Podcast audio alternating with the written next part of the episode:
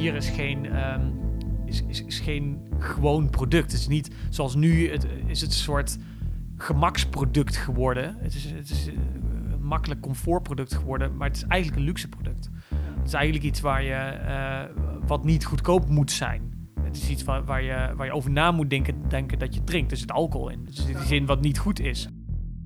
Vanuit mijn schuur ergens in Nijmegen-Oost is dit 0247, de podcast over bijzonder Nijmegen.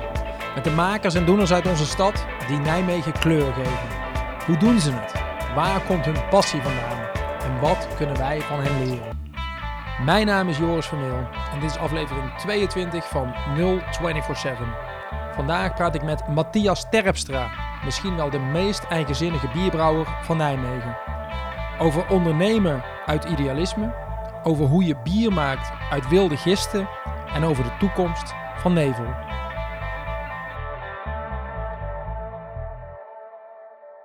Hey, fijn dat je er bent. Ja, tuurlijk. Er staan, er staan twee bieren op ons te wachten.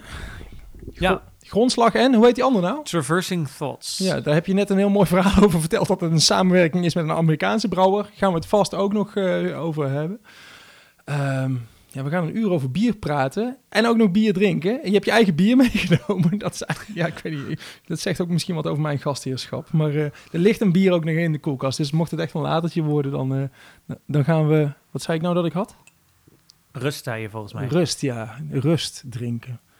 Matthias Terpstra van uh, Nevel. Ja. Hoe zou jij jezelf introduceren aan mensen die jou nog niet kennen of die Nevel nog niet kennen? Goeie vraag. Um, Nee, misschien in eerste instantie Nevel. Dus uh, uh, voor de mensen die Nevel niet kennen, we zijn een brouwerij hier in Nijmegen. We zitten op het Honigcomplex. En um, wat specifiek onze bieren uniek maakt of bijzonder maakt, is dat wij wilde bieren maken. En dat wil zeggen dat wij een wilde gist gebruiken voor al onze bieren. een gist die we zelf hebben opgekweekt vanuit de natuur. Vandaar dat we hem wilde gist noemen. We hebben hem zeg maar wild gevangen. Um, en die, uh, die gist, daar maken wij dus al onze bieren mee. En dat uh, uiteindelijk het effect van dat je zo'n wilde gist gebruikt, is dat je veel drogere bieren krijgt, maar ook bieren met een vaak een duidelijkere zure toets erin. Door de melkzuurbacteriën die daar onder andere in die cultuur, zeg maar, die wij hebben opgekweekt in zitten. Ja. En dat, um, dat maakt qua smaak in ieder geval onze bieren heel erg uniek. En het, het, het, tweede element wat ik altijd wel ook wel heel graag wil toelichten, is de manier waarop wij met onze ingrediënten omgaan. Dus wij maken eigenlijk um, 100% of bij, vrijwel 100%, uh, maar ik kan eigenlijk onderhand wel 100% zeggen Gelderse bieren. Dus dat betekent dat we eigenlijk volledig lokaal, uh, lokale ingrediënten gebruiken, allemaal uit Gelderland. Dus Gelderse mout, ja. uh, ongemouten granen ook uit Gelderland, Gelderse hop. Maar voornamelijk ook allerlei extra ingrediënten. Dus we gebruiken heel veel fruit, we gebruiken heel veel kruiden. allerlei bijzondere ingrediënten waar we dus onze bieren ja, nog extra karakter aan meegeven. Ja. Uh, bijvoorbeeld, ja, je vertelde over dat je bier fluweel had gedronken, samenwerking met de, de, nieuwe winkel hier in Nijmegen. Daar zit dus ook bijvoorbeeld sumac in van de fluweelboom. En gagel zat daar ook in, een kruid dat we uit het voedselbos in Groesbeek halen. Ja. Dus Gaan we het allebei nog over hebben dadelijk? Ja. Zowel over wilde gisten als over die lokale ja. kant van de zaak.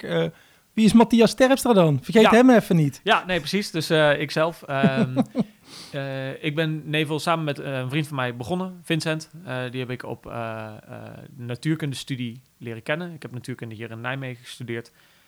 Um, en dat eigenlijk begonnen uit, uit een heel erg soort nieuwsgierigheid over hoe de wereld werkt. ik had een soort idealistisch beeld van ik ga ontdekken hoe de wereld werkt tot in het kleinste detail, zeg maar. er zat ook wel een soort filosofische laag in dat ik en, en ook wel een, misschien ook wel een soort mystieke laag ook wel die ik wou doorgronden van hoe, hoe werken dingen. Ja, dan kun je maar nieuwsgierig. En, en in plaats van bij het filosofische te beginnen, begon je bij het kleinste, bij ja, de natuurkunde. Ja, mijn vader is filosoof. Oh, maar, ja? uh, dus, dus dat dacht ik, nou, die route ga ik dan even niet nemen. uh, ik ga een andere route nemen. Ik was ook wel meer beta ingesteld dan, dan, dan dat ik heel erg alpha in was gesteld. Dus was voor mij ook wel een logische keuze om, uh, om het op die manier aan te pakken. Maar eigenlijk kwam ik er tijdens de studie wel achter dat dat idealisme wat daarin zat van wat ik eigenlijk wou ontdekken dat dat waarschijnlijk er niet in zat. Eén, omdat ik er ook achter kwam dat ook natuurlijk is een heel mooie manier om de werkelijkheid te beschrijven, maar ook uiteindelijk niet de enige manier. Uh, en, en daarnaast merkte ik ook wel, en dat was meer een praktische insteek van, ja, ik, eh, dit ga ik niet mijn hele leven willen doen. Want de facto is natuurkunde gewoon achter je computer zitten en, en, en sommetjes uitschrijven. Nou, niet zo letterlijk, maar wel, dat is wel een heel groot deel. En dat, dat zag ik eigenlijk mezelf niet zitten. Een ander element was, eh, als je echt diep de natuurkunde gaat, dan, dan, dan doe je op een gegeven moment iets wat eigenlijk maar een paar mensen de wereld begrijpen. Zelfs de meeste natuurkundigen begrijpen niet eens wat je zegt. Omdat je zo, je gaat zo erg inzoomen. Ja. eh, op iets heel minuscuul klein onderdeeltje van weer een grotere theorie. een groot- En dat, ja, dat, ik, dat, was te, dat was te klein voor mij of zo. Ik vond, Ja. dat, ik vond dat niet leuk. Wel iets wat ik echt kon delen eigenlijk. In, in je hoeveelste jaar kwam je erachter? Eh, ik denk mijn tweede of mijn derde jaar. Ja. Ik heb uiteindelijk dus mijn bachelor afgemaakt. Ik heb het in vijf jaar gedaan. Dus Want mijn- je hebt het wel afgemaakt. ik heb mijn bachelor afgemaakt, niet mijn master, maar wel Ja. mijn bachelor afgemaakt. En, ehm, maar in mijn tweede of derde jaar kwam ik erachter van, ja, hmm, eh, dit, wordt, dit wordt anders. Ik ging ook andere dingen doen. Ik ging extracurriculaire dingen doen. Ik ging met duurzaamheid ging ik aan de slag door met het toen nog het Universitair Milieuplatform. eh, Ja. heb, ik, heb ik voorgezeten. En ook actief in gebleven. Eh, voor, een, voor een langere periode. Dus daar ben ik heel actief geweest. Ik ging me ook veel bezighouden met koken. Ehm, en, en, en ook wild plukken en, en fermenteren. Dus dat waren dingen waar ik me verder in ging ontwikkelen. Eh, en ik merkte dat daar veel meer interesse in zat. En dus ook eigenlijk in, in het einde van het eerste jaar ook gelijk al begonnen met eh bierbrouwen. Want dat was dus een mede natuurkundestudent die, die dacht... oh, het is misschien leuk om voor en door studenten bier te gaan maken. Ja, want dat- wat, wat is de link tussen bier en, en, en natuurkunde? Is er een link? Nee, er is, die is er niet. Die is er niet. Er was gewoon iemand die dacht, hey, dat is Nee, leuk, de dat enige gaan we link doen. is dat veel natuurkundestudenten graag speciaal bier drinken. Dat is, dat is, de, een- dat is de enige link die er, die er Geldt was. dat alleen voor natuurkunde Nee, dat geldt niet alleen maar voor natuurkundestudenten, maar overwegend bij natuurkunde waren er wel heel veel die echt ook echt een speciaal bier geïnteresseerd waren. En ook, dat zijn allemaal nieuwsgierige mensen, hè? dus dat, eh, die, vinden het dan ook wel leuk om niet alleen maar te drinken, maar ook wel iets te weten daarover. Of Ja, erachter ja, ja. van, hoe doe je dat nou eigenlijk? Ja, Van, van, hoe maak je dat? Hey, en wat was je... eh, een jongen was daarmee begonnen. Weet je je eerste keer nog dat je, dat je aansloot om, om bier te gaan maken? Ja, zeker. Eh, Waar was dat? Dat was, dat was- best wel een leuke eh, brouwdag eigenlijk. Eh, ook wel grappig, want het ging natuurlijk helemaal mis. Natuurlijk. Het was, ehm, eh, het was in, de- in een heel mooi huis. Het huis dat was tijdelijk van een andere natuurkundestudent. Dat zit op de kruising... eh, het zit in Brakkestein en dat is een huis dat zit... Ja, ik moet, die na, straatnamen weet ik nooit zo goed. Het is een losstaand huis dat eh, op, op, het, op de hoek van Brakkestein Park staat. Ja, Eh, Driehuizenweg of zo zal, de, zal je Eh, zitten. Ja, dus eigenlijk je hebt het sportpark, maar. Ja, Dalmarasweg met Driehuizenweg. Ja. Ja. daar staat zo'n heel mooi losstaand huis. Echt prachtig huis. En die had een natuurlijk een student, had hij tijdelijk, kon die, mocht hij daar, kon hij daar aan wonen. Of student, dat was wel, die was al wat ouder. Dus ik denk dat dat een PhD was. Maar goed, dat is ook wel even geleden. en, en in zijn tuin mochten we, eh, dus er was toen mooi weer. Hebben we, in zijn tuin hebben we toen buiten eh, eh, een poging gedaan om een triple te brouwen. Want je was daar met allerlei studenten van, van Marie Curie, heet volgens mij. Marie studie- Curie, inderdaad, ja. Die studievereniging. Ja, dat waren, ja, we waren toen, hoeveel zouden zijn geweest? Ik denk dat we met z'n achter zijn geweest of zo. en, en was dat gelijk een moment dat je dacht, dit is vet? Ja, ja daarvoor eigenlijk al wel. Ik was, ik was de eerste die me aan had gemeld. Ik was de eerste die... me- Ik had eigenlijk denk ik gewoon na een half uur al een mail gestuurd. Ik doe mee. Want ik, het paste, nou ja, het paste in mijn beeld waar ik toen al mee bezig was... om ehm, meer te weten over wat voeding is. En niet alleen waar, voeding, waar mijn voeding vandaan komt... maar ook hoe dat gemaakt wordt. Dus er waren twee inslagen. Dus ook duurzaamheidsinslag van wat is de impact van mijn voed- voeding? Wat, waar komt dat vandaan en, en wie maakt dat en hoe wordt het gemaakt en wat is de impact daarvan? Uh, maar ook gewoon echt een, echt een interesse voor het maken ervan. Dus, dus uh, uh, het zelf koken van, van zo puur mogelijke ingrediënten. Dus weet je al, al heel snel in plaats van wat de meeste studenten doen, gewoon weet je al pakjes kopen met alles alvast voorbereid erin. Dat heb ik heel snel niet meer gedaan. Ik ging ook gelijk gewoon alles bij de uh, Ecoplaza kopen. Ja.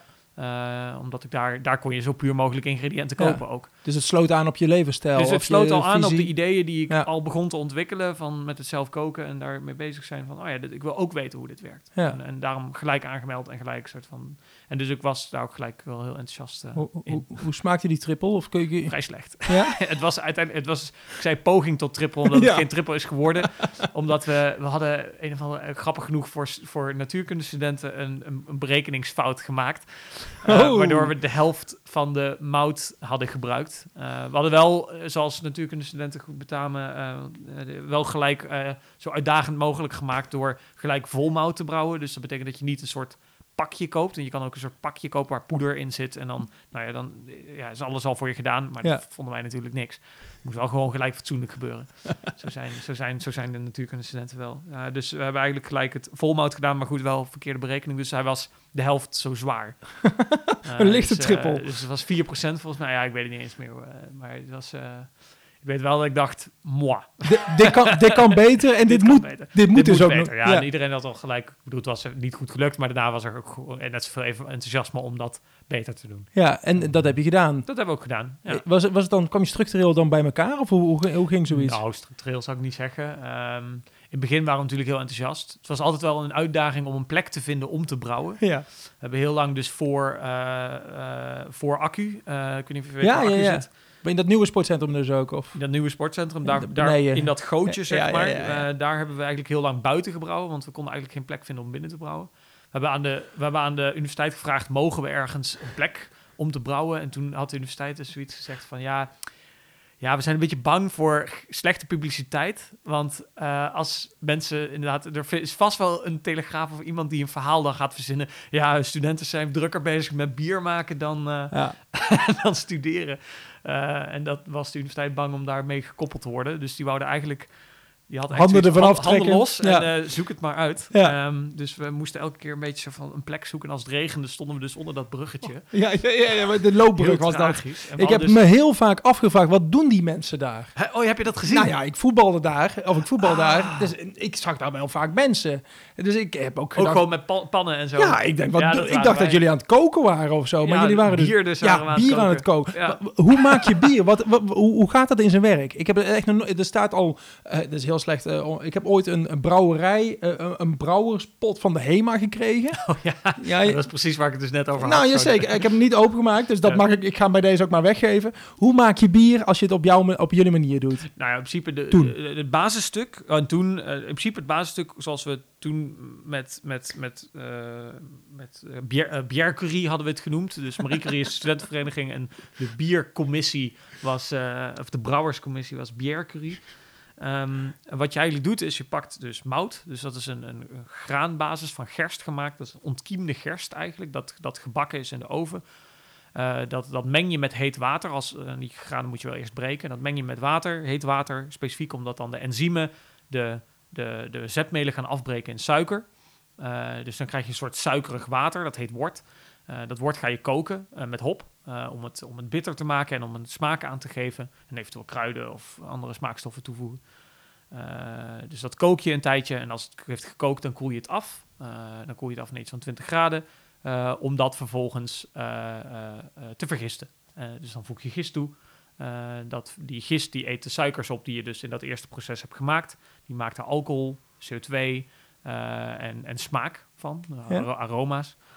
En eh, nou ja, dat laat je even staan, laat je vergisten, dat bottel je en dat drink je op. Hoeveel tijd gaat er overheen over dat hele proces? Dat hangt dus eh, eh, af van hoe je het maakt. Ja. Hoe we het toen deden was nou die, die brouwdag, zeg maar. Dus dat is dat warme, dat noem je altijd het warme stuk. Dus dat is het, weet je wat, het, het, Koken. het koken en dat, Ja. dat, dat duurt ongeveer een dag. Ehm, of acht uur eigenlijk, moet ik zeggen. En, en het vergisten, de hoofdvergisting zoals we dat noemen, duurt meestal een week. En dan heb je de, de, de, de nagisting of de lagering. Eh, en dat, eh, dat was toen zolang, eh, dat, dat duurde gewoon toen zolang het duurde. Namelijk tot iemand een keer voorstelde, laten we eens gaan bottelen. Ja. Ehm, dus dat was anywhere tussen drie weken en vier maanden. Maar, Eh, voor de rest liet je het nergens van afhangen, maar... nee, dat, stond gewoon in een kelder ergens. eh, Ja. Ook eh, met een doging van de universiteit overigens. Van, oh ja, hier is nog een hokje ergens. zeg maar tegen niemand. Ja, ja, ja. Ik weet overigens niet of ze dat hokje nog steeds gebruiken. Maar goed.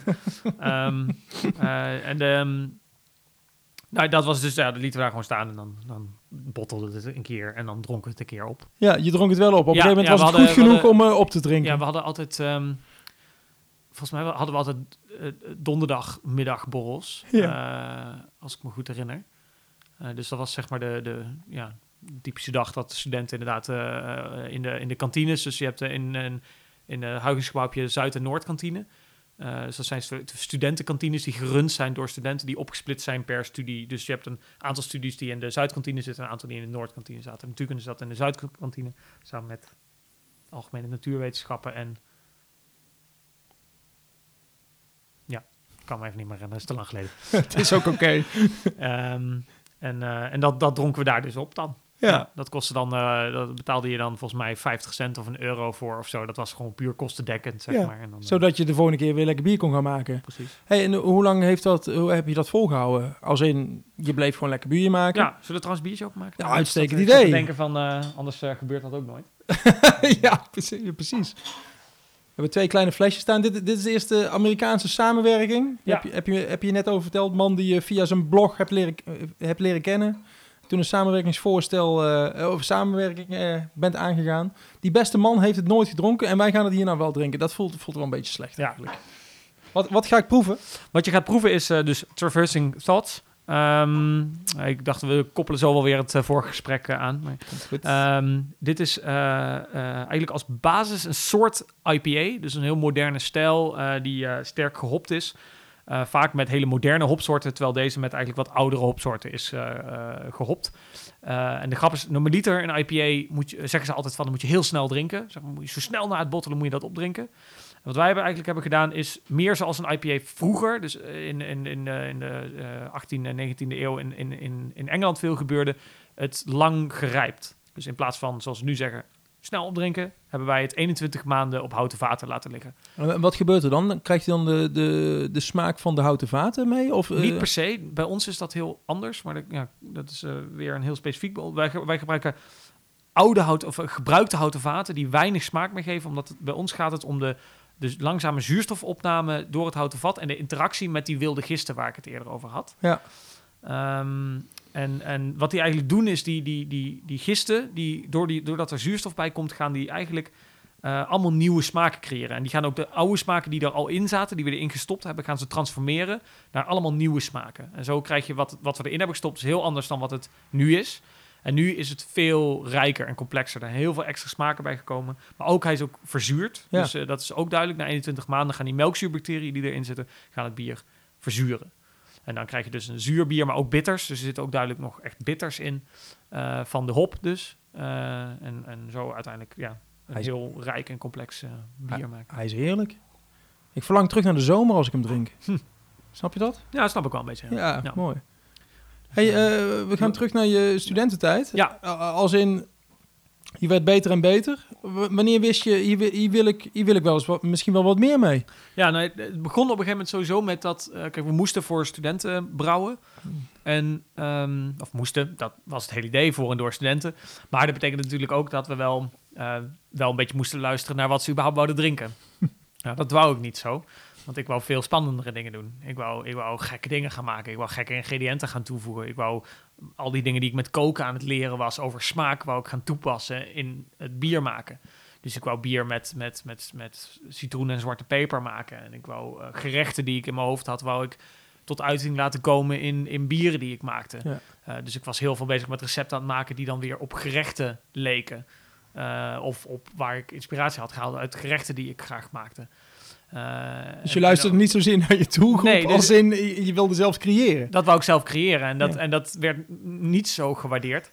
Ehm, Als eh, in, je dat was maakte- te gek, dat je- was te raar. Je maakte bieren die mensen nog niet begrepen. Nee, ik wou die maken, Ja. maar ik kon ze niet maken. Zo ver kwam je nog niet eens. Nee, want het is natuurlijk een commissie en er moet, moet over gestemd worden en vergaderd worden. Ja, is ging een studentencommissie. Ja. Eh, en dan werd dat meestal werden mijn ideeën daarin eh, een beetje weg, weggewuifd. Die was eh, te- boven, te ja. experimenteel. Te experimenteel. En, ehm, en eh, eh, dus op een gegeven moment dacht ik, ja, ik ga het gewoon, ik ga het gewoon zelf doen. Eh, ik heb geen zin om, om, eh, om me bezig te houden met wat andere mensen willen. ik ga het gewoon zelf doen. Weg met Pierre Curie. Uh, Pierre Curie, ja, nou, niet helemaal. Ik heb het niet helemaal weggestopt, maar ik ben wel op een gegeven moment... En daarin heb ik Vincent dus eigenlijk eh, als, als, als, eh, als partner in crime gevonden... die eigenlijk datzelfde dacht en vond. Die dacht van, ja, die, die vond al die restricties die, die inderdaad het maakte... Die, die daar kwamen door voor de studentenvereniging brouwen... vond hij ook niet zo leuk. Dus eh, toen zijn we eigenlijk zelf... zijn we met z'n tweeën heel erg gaan optrekken... eh, om, om dat eigenlijk thuis te gaan doen. Dus we hebben toen wat spulletjes gekocht... En eh, mogelijk dat je ook inderdaad een artikeltje hebt gelezen in de, de Fox, denk ik. Ja. Je ging het bij je moeder thuis doen. Ja, toen, toen woonde ik dus... toen woonde ik niet meer thuis. Maar mijn ouders woonden dus toen nog op de schoolstraat. En, eh, en toen, toen gingen we dat daar doen. Dus, en eh, toen hadden we zelf wat, wat pannetjes gemaakt en gingen we daarmee eh, mee aan de slag. Dus net voordat je moeder aan het avondeten begon, waren jullie nog bezig met de pannen op het vuur. Ja, ja Zo in kwam het een beetje over. Ja, dat is in principe wel hoe, het, hoe dat gebeurde inderdaad. Ja. En dat was, dat was dus allemaal heel klein en, en schattig. Dus dan maakten we 10 liter per keer en zo. En toen ging ik dus voor het eerst inderdaad eigen ideeën en eigen recepten ging ik uitwerken. Dus zo zijn, eh, uiteindelijk zijn denk ik van al die recepten is er niet echt iets overgebleven. Eh, dat is allemaal, ja, het concept van wat we nu doen is heel anders dan wat ik toen had ingestoken. Maar het heeft je wel gebracht Eh, waar je nu bent. heeft- ja, het was wel, het was de, dat was, zeg maar, bij Bjerkerie heb ik gewoon geleerd hoe je bier moest maken. Heel waardevol. En uiteindelijk dus met die, dat, dat thuisbrouwstuk heb ik samen met Vincent, heb ik, ben ik echt gaan experimenteren. En dat is uiteindelijk uitgegroeid naar ik en Vincent die eigenlijk uitspraken van, we willen echt meer. Dus we zijn het eerst thuis gaan doen en toen zeiden we, we willen echt meer. We willen echt, ja, allebei klaar met natuurkunde en ook klaar voor iets nieuws. En, en hier serieus iets van maken. Dit was natuurlijk onderhand 2013. En toen begon speciaal bier wel echt ontzettend in de lift te komen. En dat zagen wij natuurlijk ook wel. Eh, we hadden onderhand ook al contact gelegd met Oersoep, die ook toen net begonnen was. Ja. Die waren toen eh, volgens mij bij huizen, zeg maar, waren zij net begonnen. Ja. En ehm, dus wij zagen dat wel gebeuren. En toen dachten we, nou, Misschien kunnen wij ook in dat gat Misschien springen. kunnen we dat ook doen. Eh, dus toen zijn ik en Vincent gaan brainstormen van oké, hoe gaan we dat dan doen? Dus we zijn over recepten gaan nadenken en over een plan gaan nadenken en, en hebben een naam bedacht. Dus we hadden toen de naam Katje Lam bedacht. Een soort nou ja, typisch studenten, grappig voornamelijk. Eh, een ook een medestudent toen nog, eh Edo van Veen, had, had, had voor ons een logo gemaakt. Namelijk een katje en een lammetje. Ehm, mm. En ehm, nou ja, allemaal hartstikke schat. Maar dat hebben we dus wel, dat was wel een echt bedrijf. In de zin van, we hebben daar gewoon een KVK-nummer, eh, de inschrijving. We zijn toen ook van mijn moeders keuken verhuisd naar de Honig. Eh, maar niet, niet- waar we nu zitten. Nee, een klein Want, hok eh, van 12 vierkante meter Ja, of zo was het? studentenkamer eigenlijk. ehm, eh, die we dus helemaal hebben, helemaal efficiënt hebben ingericht. met hoogte ook en zo. Waar we, hout, waar we dus plastic tonnetjes in hadden gezet. We hadden wel een soort gezamenlijke ruimte. Want het was in de, in de, het was een smeltkroes. Ja. In, de, in het foodlab. eh, waar, ehm, eh, waar we dus in de gemeenschappelijke ruimte eh brouwden dan. Want dat was wel handig. Want er waren putjes en water en dat soort dingen. En dan hadden we dat hokje waar dan opslag en, en, en, de, en de vergisting en dat soort dingen waren. Daar lag je bier te wachten Ja. totdat het En klaar dat was allemaal heel kleinschalig. We hadden toen de ketels van Oersoep overgenomen, die zij dus in Bijsterhuizen gebruikten. Die zaten inmiddels ook op de honing. Die, en zaten op- die waren naar de ketels. honingvuist, dus die hadden die 52 liter keteltjes die ze vroeger gebruikten, die hadden wij overgenomen. Ook in een soort constructie waar we, waar we eh, bier leverden aan stoom. Dus dat was Ja. de, de brewpub van, van Oersoep. Eh, en daar leverden wij bier aan eh, in, in, gratis. Of gratis, we hadden een soort lening met Oersoep. En dan Je betaalde in natura. in natura, in. Wauw, mooi. Dus dat was een hele leuke, heel, mooie constructie. Ook ja, heel fijn dat Oersoep daarin ons heeft gesteund.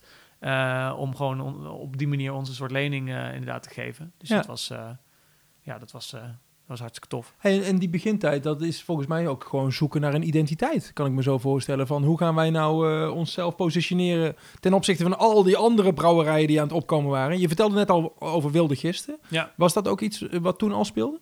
Niet helemaal in het begin, maar wel vrij snel daarna. Dus was eigenlijk, dus thuis hebben we, hadden we eigenlijk nog niks gedaan met die wilde gisten. Maar we wisten wel dat het interessant was, want Oersoep deed er ook iets mee. Ehm, eh, maar ook, we begonnen eh, steeds meer ook eh, nieuwe bieren te ontdekken. Ook omdat we bezig waren met al die recepten, gingen we ook steeds meer nieuwe bieren proberen. En kwamen op een gegeven moment in contact met, met, met geuzen. Dus dat zijn wilde bieren, spontane bieren uit België. En daar waren we ontzettend door gefascineerd. Maar we waren ook heel gefascineerd door, door de historie van bier. Dus we gingen ons inlezen over hoe werd bier vroeger dan gemaakt. En wat gebruikten ze daar dan voor? Wat voor ingrediënten gebruikten ze? Wat voor methodes gebruikten ze? Dus we gingen oude bierrecepten gingen we oprakelen. Eh, we kwamen dus ook achter, ja, dit moet dus vroeger ook op een bepaalde manier wild zijn geweest. Dus dat was wel heel erg inspiratiebron. Toen deden we het nog niet helemaal zoals we nu deden. Dus we kochten wel gewoon gist uit pakjes. Maar je kan dan ook wilde gist uit pakjes kopen. Ja, ja, ja. Dus Brettanomyces heet die gist. eh, of dat is zo'n wilde gist dus. Eh, maar ook melkzuurbacteriën. En die kochten we dus dan gewoon in pakjes in. Dus dat was eh, wat mij betreft nog een beetje vals spelen. Maar wel, het was wel de, het ontdekken van hoe werk je überhaupt met dat soort wilde gisten. Want zonder dat te doen hadden we wat we nu doen niet kunnen doen. Nee, precies. Want dat was wel de, de, de opmars van, oké, hoe doe je dat soort dingen? Want met wild gist werken is echt wel anders als hoe de meeste brouwerijen werken. Omdat je op een heel andere manier te werk gaat. En een heel andere manier denkt ook over smaken, ontwikkeling, over tijdspannen. Veel geduld hebben, want Ja. dit soort bieren duren ontzettend lang. Nou, zoals ik al net al zei over die Traversing Thoughts die we nu aan het zijn. 21 21 maanden, op Ja. houten vaten. Maar toen kon je dat volgens mij ook helemaal niet doen, omdat je die 12 vierkante meter Nou, we hadden, we, hadden, had. we hadden in eerste instantie we hebben één houten vat op een gegeven moment gekocht. Ja. Die stond in de gemeenschappelijke ruimte. Dus eh, we hebben nu 160, toen hadden we er één.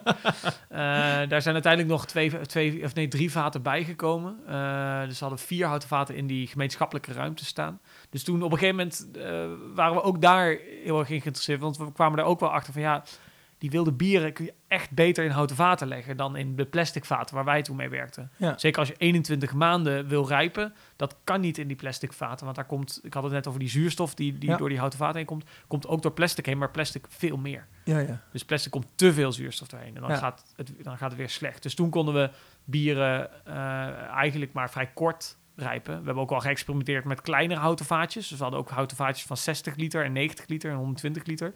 Zijn we ook achtergekomen, dat kan ook niet. Nee. Ehm, die zijn te klein, er komt ook te veel zuurstof door. Eh, dus ja, allemaal inderdaad opmars tot Precies. wat uiteindelijk we in het groot konden doen. Eh, we hebben we allemaal daar spelenderwijs geleerd en ook wel achtergekomen, nou, er is ook wel vraag voor dit soort bieren. Want we maakten toen 100 liter, maar dat, dat verdween gewoon. Dat was, daar hoefden we niet iets voor te doen om dat te verkopen. was Want, maar heel weinig natuurlijk. Hè. Ah, ja, precies. Maar aan wie verkocht je dan? Waren het particulieren? Waren het ook al... Mm. eh, Deels particulieren, maar we hadden, we hadden een paar cafeetjes in Nijmegen Ja, ja. en we hadden een paar slijters in Nijmegen. En er waren al een paar mensen in Nederland die ons aan het oppikken waren. Ehm, eh, dus, dus, dus wel een paar, eh, bijvoorbeeld de Bierkoning in, in Amsterdam. Dat is ook hoe ik het festival waar ik helemaal, nee, nog niet toen we zaten, zeg maar, over vertelde. Over, waar ik ook die Amerikaanse brouwer in eh, levende lijf in ieder geval heb ontmoet. het obscure Het bierfestival. Obscure Bierfestival, eh, eh, dat heb ik toen ook leren kennen. En en daar, daar gingen we dus ook, daar hebben we denk ik dus voor de eerste keer in 2014 dus gestaan. Dus dat was het eerste jaar van Katje Lam dus. Ja, Of in 2015, dat weet ik eigenlijk niet. Ik denk 2014 al. ja. Jawel, ik denk dat we in 2014 toen hebben gestaan. Ehm, En wat, ma ma- wat maakte jullie toen zo bijzonder? Nou, er waren dus bijna geen brouwerijen die iets met wilde gisten deden. Ja, daar was je toen al mee bezig. En Ja, dat dus viel Oersoep- toen al op. Oersoep was, was echt daarin een, een voorloper. Ja, Ehm, eh, grappig genoeg hebben zij dat dus weer een beetje... Ze doen het nog steeds, maar ze hebben het eh, wat dat betreft wat meer een, een zijdingetje gemaakt. Ehm, maar zij waren wel in Nederland wel echt, echt voorlopers daarin. dat is eigenlijk gek. Je zit vlak bij elkaar, Oersoep Ja. en jullie. Is het een soort... Maar eh, hand uit concept is het ook weer heel erg ver uit elkaar gelopen. ja, maar omdat toen, zij- maar toen in het begin niet waarschijnlijk. Nee, maar toen waren wij zo klein. Nou ja, ja eh, eh, toen zij naar de honing verhuisden, gingen zij dus al bewegen naar ook toegankelijkere bieren maken. Dus toen gingen zij ook al gewoon niet wilde bieren maken. Ja, terwijl, Terwijl jullie zij- juist eh, de andere route insloegen. Terwijl wij eigenlijk toen zij inderdaad zeiden... Dus in het begin maakten zij heel veel wilde bieren, bijna alleen maar. Ehm, eigenlijk de originele oersoep is enigszins vergelijkbaar aan wat wij nu doen, in zekere mate. Ja. Ehm, wel ook weer, we hebben natuurlijk wel uiteindelijk daar onze eigen draai gegeven. Want oersoep helemaal in het begin werkte dus ook gewoon met die wilde gist uit pakjes. Ja. Eh, en wat wij nu als katjelam doen, is, of eh, als nevel doen, is dus weer heel erg anders. Maar, ehm, of heel erg anders. Maar zij zijn wel daar in de grondleggers geweest. eh, om, om dat in Nederland inderdaad een beetje bekend te maken en aan de man Ja. te brengen. En dat festival, de Carnivale Bret en de Mies, is daar ook heel belangrijk in geweest. Ehm, en en ja, dat eerste jaar was natuurlijk heel grappig, want er kwamen eigenlijk voornamelijk, voornamelijk allemaal thuisbrouwers nog samen. Want er waren gewoon niet zoveel commerciële brouwers. Hm. Ja, wij waren dan een soort van commercieel. En Oersoep stond daar natuurlijk. En je had een paar Belgische brouwers die daar kwamen. eh, die ik daar ook altijd had moet. Ik stond daar samen met Roel Bukkens van Frontaal. Eh, dus Frontaal is nu ook een hele populaire grote brouwerij in, in Breda. Oh, ja. Die overigens nu dus ook niks echt met wilde gisting doen.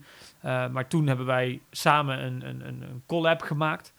Een samenwerking. samenwerking. ik heb daar ook, eh, ook, ook via Roel, dus een van mijn beste vrienden, die nu in, eh, in Schotland bier brouwt bij een van de grootste wilde bierenbrouwerijen, Overworks van Brewdog. Eh, dus heb ik ook toen daar in 2014 leren kennen. Ravi heet hij. Ehm, dus zo is dat wereldje inderdaad een beetje rond die tijd van de wilde gisten, van die, van die scene, zeg maar, van die, van die mensen die daarmee bezig zijn. is toen een beetje zo langzaam ontstaan. Maar best bijzonder hoe snel je dan positie hebt in zo'n eh, in zo'n wereld eigenlijk. Want je kwam er toen je was er achter aan het komen samen met Vincent van wat voor bierbrouwerij willen wij zijn. Ja. Toen ging je die kant op. Eh, je hebt dan weinig kosten, dus je kunt volgens mij ook veel experimenteren. Dat heb je gedaan. En, Zeker. En, Heel uite- veel. ja, en uiteindelijk kom je erachter, oké, dit is de kant die we op willen. Mhm. Dan heet je Katje Lam. Ja. Katje Lam. Volgens mij is dat gewoon dat je straalbezopen bent. Inderdaad. Eh, ik, ik las ergens iets dat Untapped, de, Ja. eh, de app Untapped, waarbij je al je biertjes kan eh, registreren eigenlijk. Ja, als, je, als je er eentje drinkt, dan kun je dat neerzetten. En die dachten bij jullie bier dat je dat lekker weg kon drinken. En die maakten het dan open en die kregen een complex bier voor de kiezen. Ja, ja, daar zijn ook nogal leuke anekdotes over te vertellen. Dus daar waren wij natuurlijk zeer over geërgerd. Eh, want we dachten, ja, we doen superveel moeite. We waren toen de eerste, onze eerste zure bieren aan het maken. Eh, bieren die dus voor het eerst in die houten vaten hadden gelegen. Die En dan krijg je één ster waarschijnlijk. En dan krijg je een halve ster of een ster rating. Ja, we dachten echt, wat, fuck, wat is hier aan de hand? Waarom doen mensen dit? Ja. En, en het gebeurde echt gewoon regelmatig. Ook we gingen naar festivalen en daar komen mensen, nou ja, mensen zeggen, oh ja, we komen bier proeven, maar eigenlijk komen ze gewoon een bier te suipen. Ehm, maar ja, daar gebeurde dat natuurlijk ook de hele tijd. En daarbij uiteindelijk hebben we wel een paar, toen nog ook wel in natuurlijk in die stijl van Katje Lam, die voornamelijk rondom ja, speelsheid en een beetje tegen draads zijn en tegen dingen aanschoppen. Dat was toen nog wel heel erg wat we deden Ja. we hebben een aantal bieren gemaakt die daar eh, een beetje de, een grapje van maakten. Dus we hebben één bier gemaakt die heette De eentonigheid van het ongeoefende palet. Dus palet wil zeggen eh, je, je smaak, ja. eh, wat je smaakt. Dus, de, de, de, en de, en dus toen nog Edo, die, die vriend van ons, die maakte nog alle labels. En die had zeg maar de het Rolling Stones tong had hij gepakt. En daar had hij vakjes in gemaakt waar, waar, waar allemaal woorden stonden. Namelijk, dat waren dan dingen die we deels uit die Untap ratings, die één ster Untap ratings hadden gehaald. Dus van he of ba of zuur of nou, dat soort dingen. Dus daar, en we hebben ook een bier gemaakt die was heel erg zuur. Die heette Gekwetst. En eh, die hadden we gekwetst genoemd, omdat mensen inderdaad gekwetst waren van dat ze dan zo'n zuur bier hadden gedronken. ja. Of zich gekwetst voelden of wat dan ook. Dus Terwijl eigenlijk jullie gekwetst keer- werden. ja, ook, ook inderdaad. Dus maar het had natuurlijk alles met verwachtingen te maken, kan ik me zo voorstellen. Ja, ja dus eh, ik bedoel, het, was, het hield ons niet tegen om te doen wat we, wat we leuk vonden. Maar het zet ons wel aan het denken van...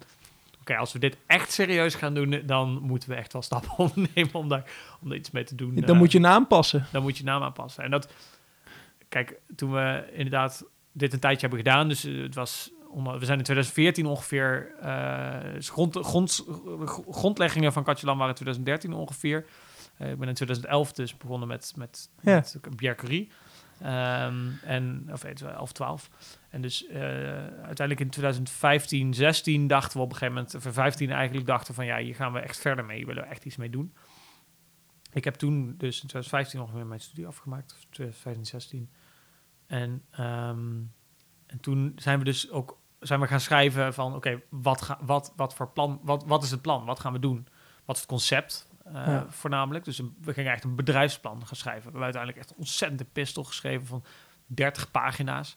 Waar natuurlijk helemaal geen eh, eh, hoe heet het? economiestudenten of businessstudenten. Dus Maar dat deed je om geld los te krijgen om echt te kunnen starten. ja, eigenlijk wel. Alleen in plaats van dat we lekker kort, zeg maar, moderne bedrijfsplan schrijven, hebben we eigenlijk een soort idealistisch pamflet geschreven over hoe wij eh, eh, de nieuwe wereld inzagen, over hoe moet, hoe moet, hoe moet zeg maar, bierconsumentisme eruit zien.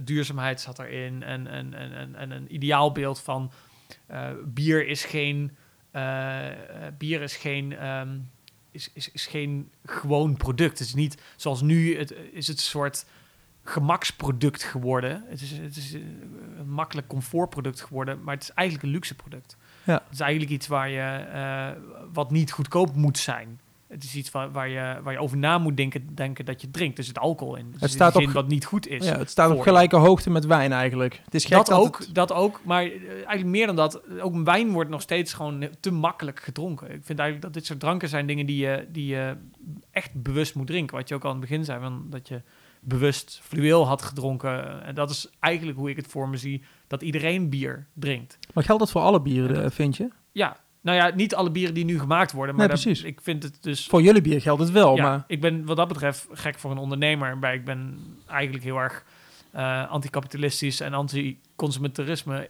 ingesteld. Ik heb daar eigenlijk een ontzettende hekel aan. Ja, En dat wil ik dus met mijn, met mijn bedrijf. Dus dat is uiteindelijk een middel dat ik heb gekozen. En ik dacht in, trouwens overigens dus in mijn studententijd en voornamelijk daarvoor als puber eh, had ik natuurlijk nooit bedacht dat ik dit ging doen. Want ik was heel erg met punk muziek en dus ook ethiek en moraal bezig. Dus, Tegen eh, geld verdienen. Geld verdienen is stom, eh, consumentisme is stom, kapitalisme is stom. Bedrijven zijn absoluut de duivel.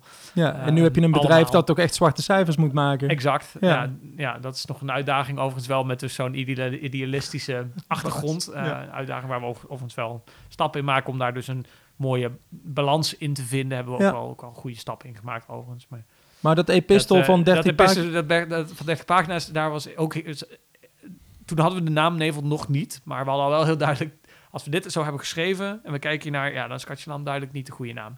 Dus toen zijn we inderdaad gaan brainstormen over... Ja, wat moet de naam dan zijn? Toen zijn we dus op Nevel uitgekomen. Een nevel, artisaan, eels. Ah, ja, de arts en eels moet je eigenlijk al Dat is eels, iets, we hadden toen... Ja, dat was, waren ook niet zo goed in marketing. Ehm, we hadden bedacht, ja, weet je, dit is een heel internationale markt. We willen ook tot de Engelse markt toespreken. Dus we bedachten, we gaan eh, ook volledig in het Engels communiceren. Maar we hadden wel bedacht, we willen Nederlandse namen voor onze bieren hebben. En dus ook een Nederlandse naam om wel die identi- identiteit met Nederland te behouden. En, en waar we vandaan komen. En waar je ingrediënten van En waar de ingrediënten vandaan komen. Dat was ook al wel iets wat duidelijk in het, in het beeld was. Dus dat, dat artis en eels hadden we erachter gezet, omdat het, dat haalden we heel erg uit Amerika. Heel veel van onze peers uit Amerika, die hebben dat vaak daarachter staan. Artis en eels staat voor wilde bieren. Wilde... Nee, artisan is gewoon eh, artisanaal. Dus het is artisanaal is een woord voor ambachtelijk of handgemaakt. Ah, right. Eh, dus daar, daar staat het voor. Maar je Dus gebruikt alleen de- het woord nevel dus. Ja, dus eigenlijk nu tegenwoordig zeggen gewoon nevel. Ja. Ehm, maar die naam Nevel die komt uit een, het is eigenlijk een beeldspraak. Nog steeds, net zoals Katjelam in zekere mate een beeldspraak was. Ehm, een beeldspraak voor de manier waarop we dus nadachten over het productieproces van bier.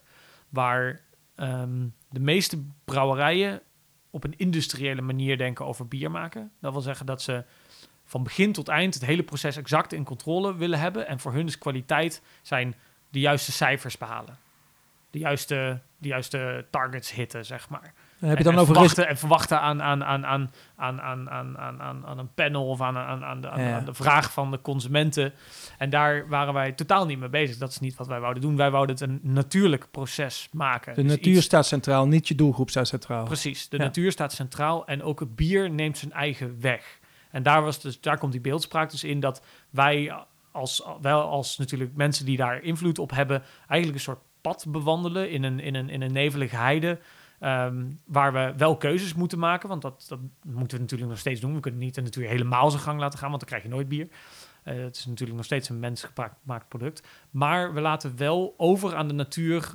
eh, we, laten ons, we laten ons zeg maar inspireren en leiden door de natuur. Dus alsof je door de mist heen wandelt en niet exact ziet waar je eindpunt is, maar wel uiteindelijk ergens komt. Waar Je weet dat je ergens gaat komen. je weet dat je ergens gaat komen en, en, en of dat mooi is of niet, weet je van tevoren nog niet. Maar je kan wel de pijlers die je tussendoor krijgt, misschien iets dat je in de verte ziet of eh, weet je wel, de zon of, of misschien, de- misschien kan je de analogie verder trekken, geuren of Ja. sma weet je, ehm, of wat je wel ziet. wat je wel ziet, Ja. kun je gebruiken om dan wel links, dan wel rechts te gaan. En zo langzaam naar een plek komen wat het beste is wat jij in samenwerking met de natuur had kunnen bereiken. En dat is die, dat pad, dat is de essentie van hoe wij bier maken.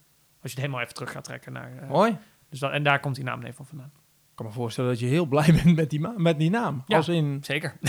pas beter, pas beter dan Katje Lam, ik durf ik wel te Maar zeggen. grappig genoeg krijg je natuurlijk nog steeds mensen die denken... oh, maar dat slaat dan terug op beneveld zijn. Dus dat, maar dat vind ik, dan ook wel niet- weer, vind ik dan ook wel weer grappig. Want daar had ik helemaal zelf helemaal niet over Ja. nagedacht. De eerste keer dat iemand tegen mij zei, dacht ik... oh ja, shit, je komt niet, niet over je komt niet van je Katje Lam imago Maar af. uiteindelijk ben ik, ben ik er ook alweer blij mee... dat het toch ook wel weer op een manier wel weer... dan weer linkt aan, aan dus onze historie in zekere mate. Ja, ja, dat, ja, grappig. een onbewuste, eh, per ongelukke link. Zoiets, ja. Hey, eh, toen je vroeger bier drink- dronk, eh, voordat je echt hier helemaal in zat, wa- wat voor bier dronk je toen? Had je Mm. toen favoriete bier of was je toen ook al... Ja, misschien ook leuk qua anekdote in ieder geval om dus over weer terug te gaan naar Bierkerie. Ja. Ehm, we hadden de eerste keer dat we samen zijn gekomen was dus niet die brouwdag waar ik over heb verteld, maar was eh, gewoon een soort samenkomst waar we even allemaal elkaar leren kennen, want iedereen kwam met verschillende jaargangen, dus we kenden elkaar niet allemaal. Eh, en dan zou iedereen moest zijn favoriete bier meenemen, of in ieder geval een bier meenemen waar ze een bepaalde geschiedenis aan hadden. En ik heb toen mijn toenmalige favoriete bier meegenomen, namelijk de Rochefort 10. Ehm, dus Dus Rochefort is een trappistenbrouwerij. En die maakt eigenlijk alleen maar donkere bieren. Dus die hebben de 16, eh, de a- 6, 8 en 10. Dus je nam de zwaarste Eh, mee. En de 10 is de zwaarste. Eh, die vond ik de lekkerste inderdaad. Eh, dus dat is een soort ja, quadrupel kan je het noemen. Ehm, dus een donker, donker zwaar bier van 10% met heel veel smaak en heel veel karakter. En ik vond Rochefort altijd de lekkerste van, de, van die Belgische bieren, omdat hij ook, ook een heel fruitig en heel complex gistkarakter had. Dus dat vond ik toen al, was ik al door, dat, door die gisting in ieder geval heel erg getrokken. Dus moet ik wel zeggen, dat drink ik dus nooit meer nu. Dus dat is, eh, mijn smaak is heel erg veranderd. Ehm, en, en nu drink ik ehm, eigenlijk voornamelijk saisons is iets wat ik veel drink. Saison is een, een, ja, een oude Belgische bierstijl, die zijn heel droog. Dus, eh, de- mijn smaak is heel erg veranderd naar, van zoet toen, zeg maar. Dus Rochefort is hartstikke zoet, naar heel droog. Dus de, bieren die geen zoetheid hebben. ja, Dus ik grappig. drink graag ook bijvoorbeeld ehm, eh, eh, wel pilsners, maar dan niet de Nederlandse pilsners, maar meer geïnspireerd op bijvoorbeeld Tsjechische, Tsjechische pilsners of bepaalde Duitse pilsners. Je hebt ook hele zoete Duitse pilsners, maar in dit geval de wat minder bittere. Ehm, Maar als jij gewoon in de kroeg bent en met vrienden... De, de- en, Grappig genoeg kom ik, oh, nou ja, nu sowieso de afgelopen negen maanden kom ik niet in de kroeg, maar ehm, eh, ja, ik ben niet zo'n, ik ben niet zo'n kroegenganger, moet ik heel eerlijk zeggen. Ik som- som- iemand die thuis, eh, als ik toen ik vroeger bier dronk, was dat eigenlijk vaker wat we dan bottle shares noemen. Dus Ja, dat ja. je dan samenkomt en allemaal een fles meeneemt en dan. Eh dit soort bieren zijn toch vaak al heel duur. Eh, en de kroeg drinken was wel heel duur. Ja. Eh, dus dan kocht ik ze liever zelf en zocht ik ze liever zelf uit. Dat Ja. we dan samen konden gaan drinken en erover konden vertellen en over konden leren. Want dat was voor mij ook. Het was voor mij dat bewust genieten stond veel centraler bijna dan, dan het samen zijn. Dus het was natuurlijk het samen zijn was ook belangrijk, want je hebt het erover. ja. Maar het leren was altijd wel heel belangrijk. Dus nou, ik ging wel naar de kroeg. En als ik naar de kroeg drink, dronk ik gewoon het meest interessante speciaal bier wat ik dan op de kaart kon Dat vinden. heeft er gewoon Vaak altijd, heeft er dat dan- altijd al in gezeten. Ja, vanaf het begin dat ik speciaal bier ging drinken, Ja. was het gewoon vanaf inderdaad de makkelijke speciaal bieren. Eigenlijk zo snel mogelijk inderdaad van nieuw, nieuw, nieuw. En nu ben ik wel, want toen was het elke keer nieuw. Dus van, weet je, de eerste paar jaar dat je bier drinkt, dan wil je alles hebben geproefd. En er was een periode dat ik gewoon alle nieuwe bieren in de slijter kocht. Ja, dat kan tegenwoordig niet meer. Er zijn 800 verschillende brouwerijen in Nederland. Het lukt gewoon niet meer. En probeer ik ook helemaal niet meer. Ik ben dus de eerste paar jaar wil je dan elke keer nieuw, nieuw, nieuw. Elke keer nieuw bier, nieuw stijl, eh, nieuw. Daar ben ik echt wel van afgestapt. Nu, nu drink ik wat ik lekker vind. Ja. Dus ik heb, nu, ik heb nu een paar biersoorten die ik weet, of een paar bierstijlen waarvan ik weet, die vind ik lekker. Een paar brouwerijen waarvan ik weet, oké, als ik dat koop, weet ik dat ik iets lekkers ga drinken. Want ik ben ook echt helemaal klaar, want dat gebeurt ook natuurlijk als je allemaal willekeurige dingen koopt.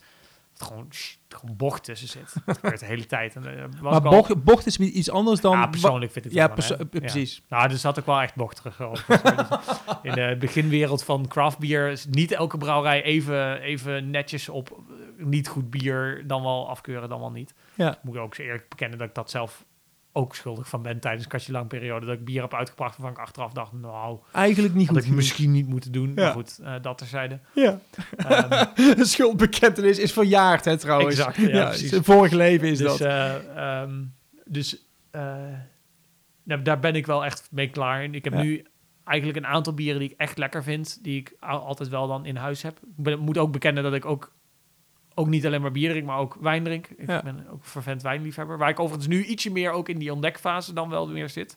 Daar weet ik ietsje minder van wat ik wel en niet lekker vind, want ik weet er ietsje minder van. Maar ik ben wel aan het ontdekken. Je bent er niet aan het uitgekeken op bier, hoop ik. Nee, nee, ik ben zeker niet uitgekeken Nee, op bier. je- ik drink heel graag bier, maar ik drink ook heel graag wijn. Ja, heel goed. Dus, Hey, eh, we hadden het net over het ophalen van geld. Eh, je hebt een epistel geschreven van, Mhm. samen met Vincent van, van, van, van, van 30 pagina, pagina's. Een filosofische benadering op Ja. de wereld en hoe die zou moeten zijn. En de rol van bier daarin eh, eigenlijk. Ja, Ga je daarmee naar de bank of hoe? Ja, grappig genoeg wel. Ja. Het is gelukt ook nog. echt? Ja. Maar, eh, eh, wat voor lening heb je toen gehaald? Dat is echt wel veel geld geweest, kan ik me dat is voorstellen. redelijk veel geld geweest. Ja, Ja. ik denk eh, Want, want je had toen besloten van, we gaan van die 12 vierkante meter gaan we naar, waar zit je nou? 600. Huppa. Ja, Een m- 40, du- 40 vervoudiging, maal... ja in, in volume inderdaad wel. Ja, en in, in, in ook bier, dat we maakten eigenlijk nog veel meer dan, 50. dan dat vlam in, in, in hoeveelheid. Dus ja, gewoon ja. Dus eh, we hebben, we, hebben, we hebben via de bank dus een deel van het geld opgehaald. En we hebben eh, eh, via private leners, zeg maar. Dus dat zijn vrienden, familie, Die wilde investeren in jullie bedrijf. en jullie ja. ook een duwtje paar wilden extra geïnteresseerden, zeg maar, die gewoon dus wat geld in hebben gestopt. En toen Ik ging denk dat we jullie... ongeveer de helft dus bij de bank en de helft Ja. zelf zo hebben opgehaald. En toen ging je ervoor. En toen gingen we ervoor. Dan koop je een paar ketels of hoe gaat zoiets? Ja, zoiets. Ja. En ja, dus we kopen, ja, we hadden gewoon van, oh ja, we, we wisten ongeveer hoe we het bier. Hoe, we hadden toen al echt van tevoren echt goed nagedacht over hoe gaan we dit proces inzetten. We hadden natuurlijk al geleerd en dus we hadden echt goed nagedacht over wat willen we hebben en hoe gaan we dat doen. Dus we hebben toen uh, we hebben een oud brouwsysteem van een oude brouw, andere brouwerij overgekocht, zodat we dat goedkoop mogelijk konden doen. Ja. Dus we hebben een, een, een, een, ja, een beetje zelf in elkaar gelast brouwsysteempje gekocht. We hebben wel nieuwe tanks, of voor een deel nieuwe tanks gekocht voor de vergisting. Deels ook tweedehands overigens. Uh, want ik wou heel, mijn hoofdvergisting tanks wou ik heel specifiek, allemaal specificaties voor hebben. En die kon, kon ik toevallig ergens tweedehands kopen. Want die vond ik dan weer moeilijk om nieuw te kopen. Hm. En, um, en dus houten vaten hebben we toen gekocht. Hebben we via een wijnmaker, die we, een bevriende wijnmaker, hebben we uh, via een soort groothandelbedrijf hebben we uh, 200 houten vaten gekocht. Waarvan we een deel hebben verkocht en een deel uh, was niet goed. En daar hebben we dus uiteindelijk van 140 van gehouden. Uh, en later nog uh, er was extra bijgekocht. We hebben nu 160 grote vaten. Ja, allemaal in die loods gezet, zeg maar. En, uh, of loods, ja, hal in de, in de honig dus nog steeds. en, en zijn we begonnen. Ja, ja, maar je begon eigenlijk in het klein. En Ja. toen heb je... Je had opeens veel meer vaten te vullen. Mhm. Um, heb je mensen aangenomen of ben je gewoon Ja. veel meer gaan produceren? Of hoe, hoe- Nee, we, zijn, we hebben inderdaad mensen aangenomen. Dus, eh, dus het startkapitaal wat we hadden gekregen of gekregen, geleend, hadden we wel berekend. Nou ja, we, we hebben met onze plannen, dus we hadden grootste plannen, omdat, ja, weet je wel, we wouden, we wouden echt een impact gaan maken. Dat was eigenlijk de kern ook van waarom we deze groot hebben Ja, gekozen. precies. Dus we wouden impact maken. Dat was ook de hele reden dat ik nu natuurlijk in de ben gestopt. Was, ik, wou, ik wou echt iets doen. En dat kan je niet als je een klein impact maken. brouwer, Als je klein brouwer, bent. Nee, we wouden, we wouden die, hele, we wouden die hele grondstoffenketen wouden we in eigen, eigen hand hebben. Wat Ja. we nu hebben ook. Ja, Dus dat is ook gelukt. Ehm, ehm, dus we moesten een bepaalde schaal zijn. Dus we hebben een brouwer aangenomen en we hebben iemand aangenomen die de communicatie voor ons deed en, Ja. en een beetje het marketingstukje, want dat, dat waren wij dus niet zo goed in. ja. Ehm, dus met z'n vieren waren we in het begin. Dus we Ja. hadden een brouwer, Robert heette die, en eh, Joyce, die was, eh, was ook toen, toen ze begon de vriendin van, eh, Robert, van Vincent. Ja. Ehm, en eh, die, die hebben toen zijn we met z'n vieren eigenlijk, dus in eigenlijk begin 2017, zij zijn allebei in het begin, 2000 ja, Joyce was al ietsje eerder half bij, zeg maar, maar in het begin 2017 hebben we ze allebei aangenomen en eh, zijn we begonnen. Hey, en Wilde Gisten maakte toen echt al wel onderdeel uit van jullie maakproces. Ja, kun, je, vanaf het begin, ja. kun je vertellen hoe dat natuurlijke proces gaat? Wat, wat, is, wat is dat? Wil, hoe maak je dat? Die wilde gist hebben we dus zelf opgekweekt. Dus we, eigenlijk, we, zijn, we zijn eigenlijk de natuur ingegaan. Daar, Ja. daar haal je eh, eigenlijk overal waar suiker is, daar zijn wilde gisten. Omdat die wilde gisten die eten van die suiker. En die, die, eh, Maar waar die is suiker? Wat bedoel je met suiker? Nou, fruit. Oh, oké, ja. Fruit is, is suiker. eh, dat zit in de natuur. ja. Maar ook bloemen bijvoorbeeld.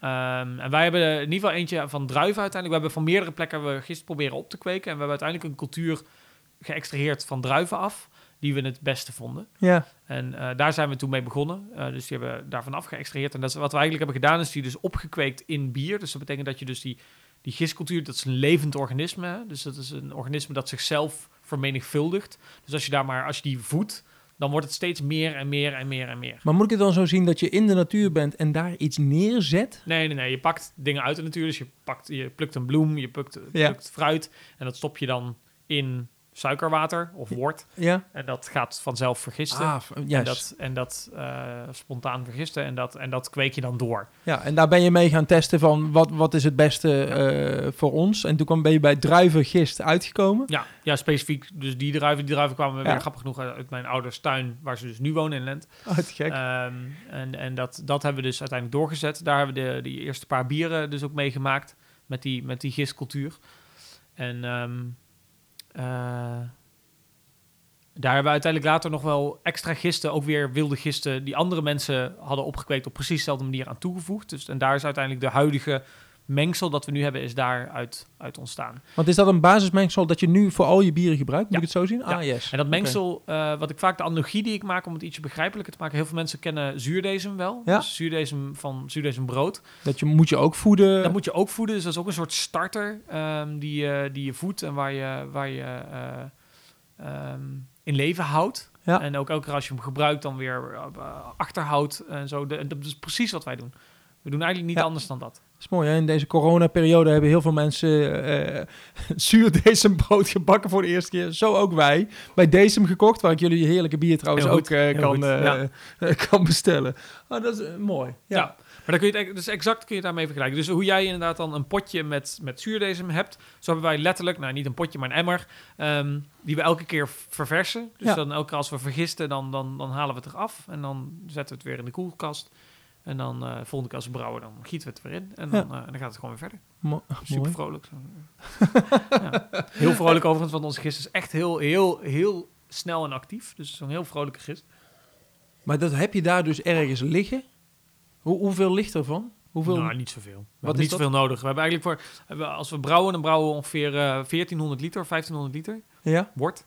En ehm, ja, het gaat daarbij een liter of zo. Ja, dus je hebt een paar... Zijn dat dan emmers die je daar hebt staan op de Ja. honig? Je hebt emmers met... eh Ja, er staan in, een koelcel, dus Ja. een grote koelcel en daar zetten we dan emmer. En er staan dan denk ik een paar emmers. Ja. Hebben we van een paar batches terug, zodat we wel, eh zoals eentje misgaat, dat we nog eh, van, van ietsje eerder. Dus meestal hebben we van drie of vier batches hebben we emmers staan. Dus ik denk dat daar vier, vijf emmers staan of zo. Ja. En, die, en die, ja, soms gaan die dan weg als ze te oud zijn of dan verversen we ze. Of, Ja. Ja, mooi. Hey, je vertelde net eh, over, over je, je pamflet, wil ik het bijna noemen. Dat je eh, eigenlijk bier wil brouwen van, van spullen die uit de omgeving komen. Mhm. Je hebt nou een crowdfunding. Eh Gelders Gerstenat. Ja. Zeg je dat goed? Zeg ik goed, Dat hè? zeg je goed. Eh, dat is een, je vertelde zelf eens over, want het gaat er eigenlijk over dat 100% van de ingrediënten die je voor dat bier gebruikt, die komen uit Gelderland. Exact. Ja, dus wat we op een gegeven moment tegenkwamen is... Normaal als je een bierbrouwerij bent, dan koop je bij de bierbrouwers groothandel, noem ik het maar even. Koop je je mout en dan koop je je hop. En die kan je op elk willekeurig moment kun je gewoon dat kopen. Dus dan, klik je gewoon op een knopje en dan heb je, heb je, heb je nieuwe ingrediënten. Het is niet echt een seizoensproduct daarmee. Nee. Dus je, eh, en, en, en, en even financieel technisch gezien, want daar gaat die crowdfunding natuurlijk wel over. Kun je dus je, je geld geef je precies uit wanneer je je bier gaat maken. Dus er zit weinig tijdverschil tussen het verkoopmoment en het moment dat je je ingrediënten inkoopt. Eh, dat is heel gunstig. Zeker als, een jonge brouwerij waar je nog niet echt zeg maar geld over hebt. Ehm, als je die graanketen helemaal in, in en, en hopketen, als je dat helemaal zelf gaat doen, dan zit je opeens met, ja, er is één moment wanneer je de hop oogst en één moment wanneer je de graan oogst. Dus die kosten, die komen ook op één moment. Toevallig is de hopoogst en de graanoogst zijn een maand uit elkaar. Ehm, dus die zijn ook heel dicht op elkaar. We hebben ook nog naast het oogst, hebben we ook nog de vermouting van de granen. Kost ook geld. Grappig genoeg natuurlijk, je denkt, ja, lokaal, oh, misschien is dat eh, efficiënter en goedkoper om te doen. Het tegendeel is natuurlijk waar. Het is allemaal heel kleinschalig, dus Ja. het is ontzettend duur. Dus op transportkosten win je een beetje, maar, de- maar op de rest... eh, op nee, op transportkosten wisten we winnen we zeker niet. Nee, het, nee. het is echt heel duur. Dus eh, waar we normaal kochten we altijd biologische mout in. Dat, eh, om even een idee te geven, kost ongeveer een euro per kilo. We hebben van de eerste batch aan, aan mout die we hebben binnengehaald, hebben we berekend wat de totale kosten zijn, inc- inclusief opslag. Want je hebt dus in één keer je hebt in één keer 20 ton mout. Dat is wat we normaal in een jaar zouden gebruiken. Ja, dat moet ook ergens staan. En dat kost ook geld.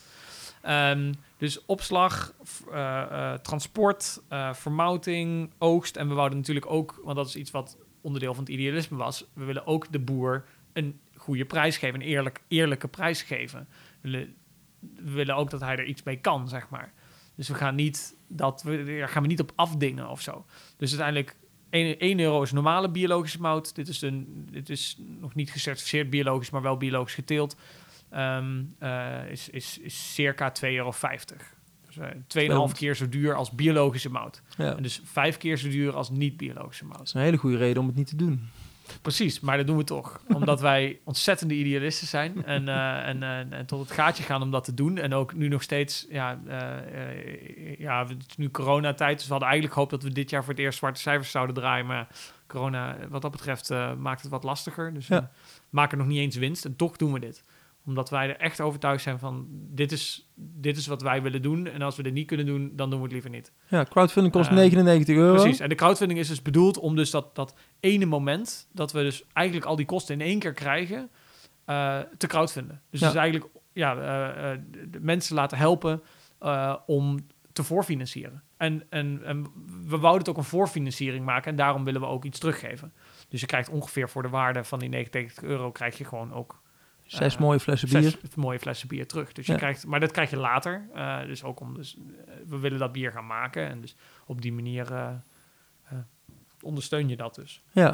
Ik heb een paar keer met mijn, met mijn vinger boven het knopje gehangen om, Ja. om crowdfunding mee te doen. Ehm, maar ik vind het toch spannend om een bier te kopen wat je nog niet geproefd hebt. Waarom moet ik het toch doen? Ik ga het sowieso doen. Ja, heel goed. maar eh, nou ja, ehm, eh, eh, wat we met Gelders Gasten dat wel doen, is, is we proberen het wel echt toegankelijk te maken. Dus wat we nu drinken is best wel spannend. Oh ja? En bij dat bier proberen we echt wel een mooi toegankelijk bier neer te zetten. Maar ik denk eigenlijk dat het niet eens zozeer gaat over inderdaad...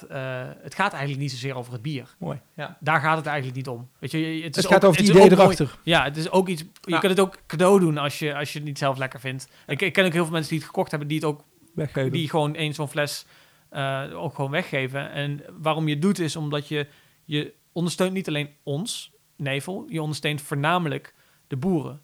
Want wat wij dus ook hebben afgesproken met die mensen is van ja, we willen wel de juiste prijs betalen. We gaan daar niet op afdingen. Ehm, dus je steunt ook boeren. En dat is ook in deze tijd waar nou ja, de boze boeren duidelijk eh, een, een trending hashtag ook is. ehm, is, het, eh, is, dat, is dat gewoon relevant? Dat, dat je dus ook, en dat is ook dat, waar we dat hele pamflet voor hadden geschreven, is onze bieren zijn ook bedoeld om na te denken over wat je nou eigenlijk drinkt. Van waar komen uiteindelijk die grondstoffen vandaan? En, en, en, en hoe het uiteindelijk in elkaar zit in, in, de, in, de, in, de, in de voedingswereld, is, is dat de consument wil het goedkoopste. En, dat, dat, dat, en uiteindelijk wil iedereen daartussenin wil zoveel mogelijk geld verdienen. Dus uiteindelijk degene die het meest genaaid zijn, zijn de mensen onderaan. Wie zijn dat? De boeren, De makers. de makers. Nou ja, niet de makers, eigenlijk de boeren. Ja, ja, de- makers precies. verdienen meestal meer dan de boeren. Als in de makers, de producenten, de, de, de mensen die de, de, de- daartussen stappen. In. Ja, maar de mensen die het echte spul eh, leveren. Die het echte werk doen, Ja. die zijn genaaid. Die, die, die- ja, ik had laatst met een boer van ons, eh, die dus die graanteelt doet, had ik het over ook, ook de aardappelteelt. Nou, door corona was natuurlijk de aardappelmarkt totaal in elkaar gev- gevallen. 3 cent per kilo kon die op de markt krijgen. Hm. 3 cent per kilo. ja. Je, hebt- Totaal absurd. je hebt me overtuigd. Matthäus. Totaal absurd. En Eerst- dat is dus, dat willen we, dat willen we tegengaan. Ja. En dat is, dat is waar die hele crowdfunding voor is bedoeld. Nou, je hebt er dadelijk eentje bij. Dank je.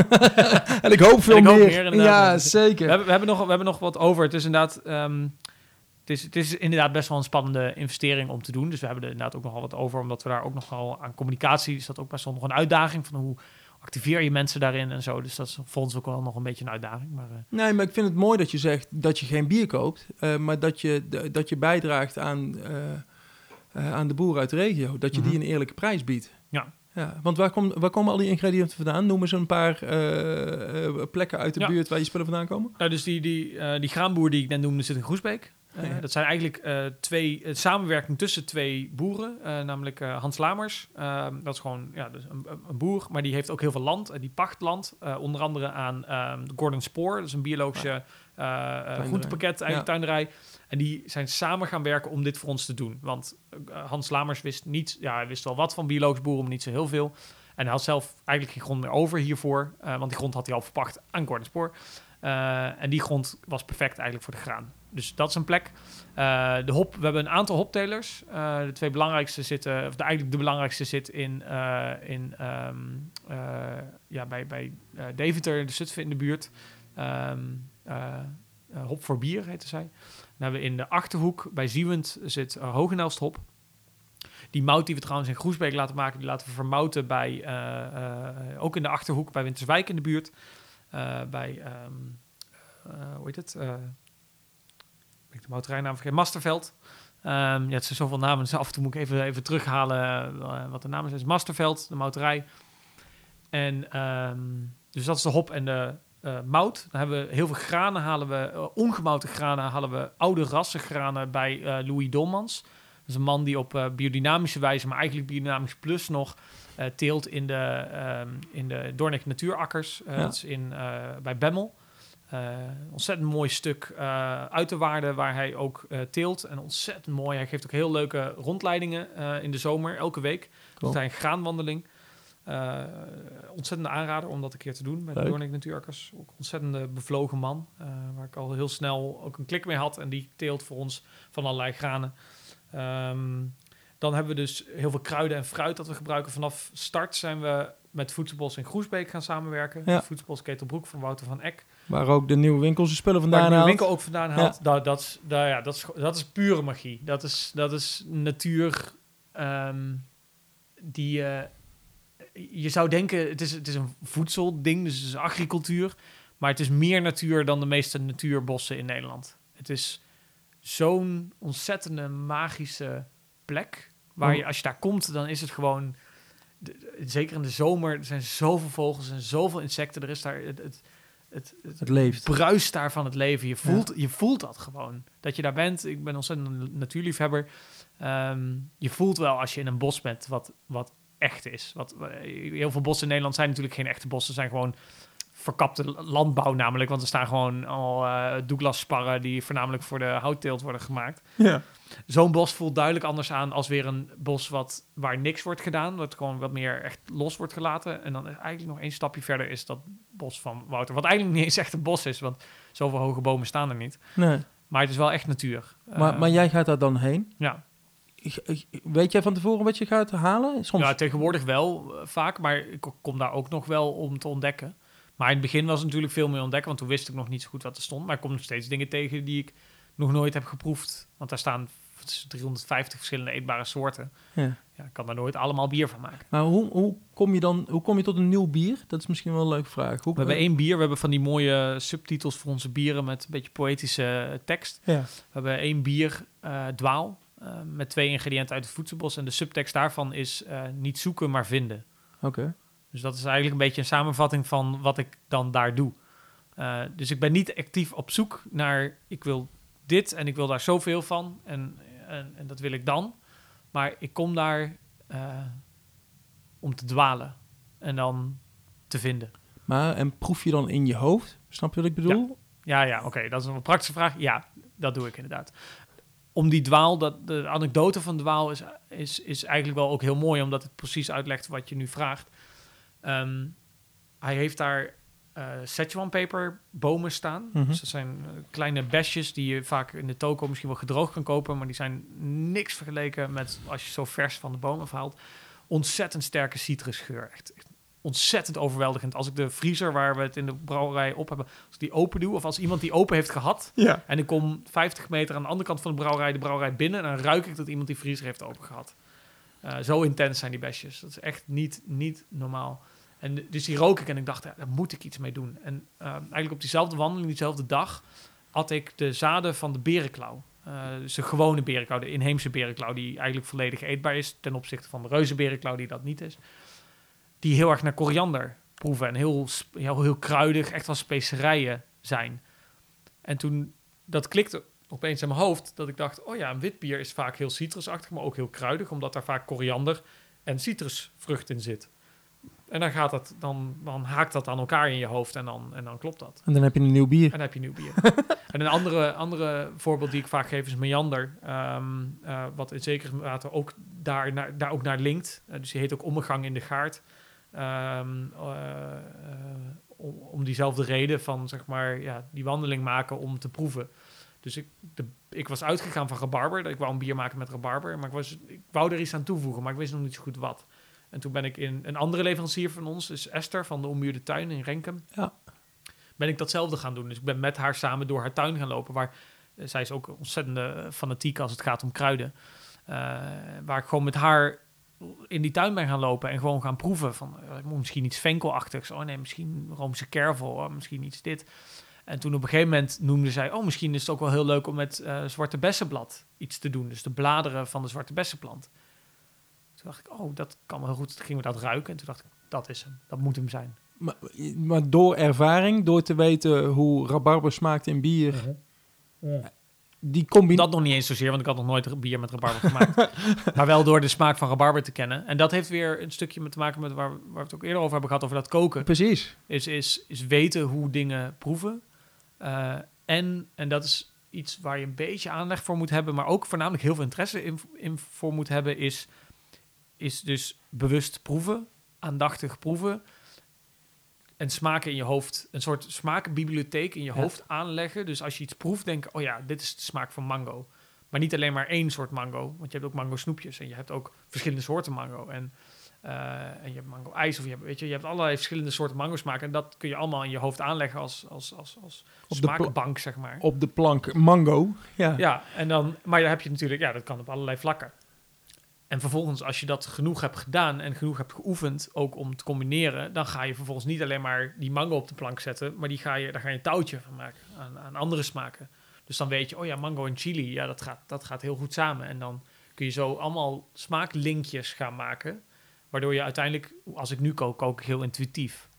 En bijvoorbeeld mijn vriendin eh Fieke, die ergert zich ontzettend aan dat als zij kookt, dat ze dan zoiets heeft van ja, het smaakt eigenlijk nergens naar. En dan als ik kook, smaakt, ze smaakt het wel ergens naar. En dan denk ik, ja, ik weet niet zo goed wat ik anders doe dan jij. Maar dat is wel omdat ik dat intuïtief dus al smaken kan linken aan elkaar. Geïnternaliseerd, omdat je Ja. er bewust mee bezig bent geweest. Precies. Ja. Dus dat, is- dat is puur, dat gaat om bewustzijn, dat gaat om, om, om, om, om, om ja, met aandacht dingen Mooi. doen en drinken en waarnemen en opslaan en, en daar iets mee doen. Ook meer doen is natuurlijk ook belangrijk, want als je het alleen maar opslaat, dan, dan kun je nog steeds niks mee. Je moet Ja, ook mooi. iets doen. En, en ja, dus dat koken heeft daar heel erg bij geholpen. En natuurlijk ook de ervaring van verschillende bieren maken uiteindelijk helpt daarbij.